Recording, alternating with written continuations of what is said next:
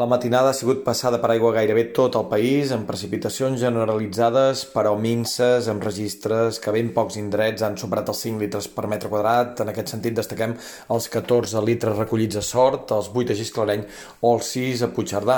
Aviat les pluges desapareixeran cap al mar, però la jornada es mantindrà insegura i variable a les comarques gironines, en punts del Pirineu on al llarg del dia es poden repetir aquests ruixats dispersos i de curta durada. L'altra cara de la moneda, cap a Ponent i al sud, on ràpidament s'obriran grans clarianes i la jornada de Tots Sants la passaran amb un bon sol. Tot plegat amb ambient molt poc fred ara a primera hora, la matinada ha sigut fins i tot més suau que les anteriors, però al migdia l'entrada de vent de nord farà que els termòmetres quedin més frenats i avui ben poques màximes passaran dels 20 o 21 graus.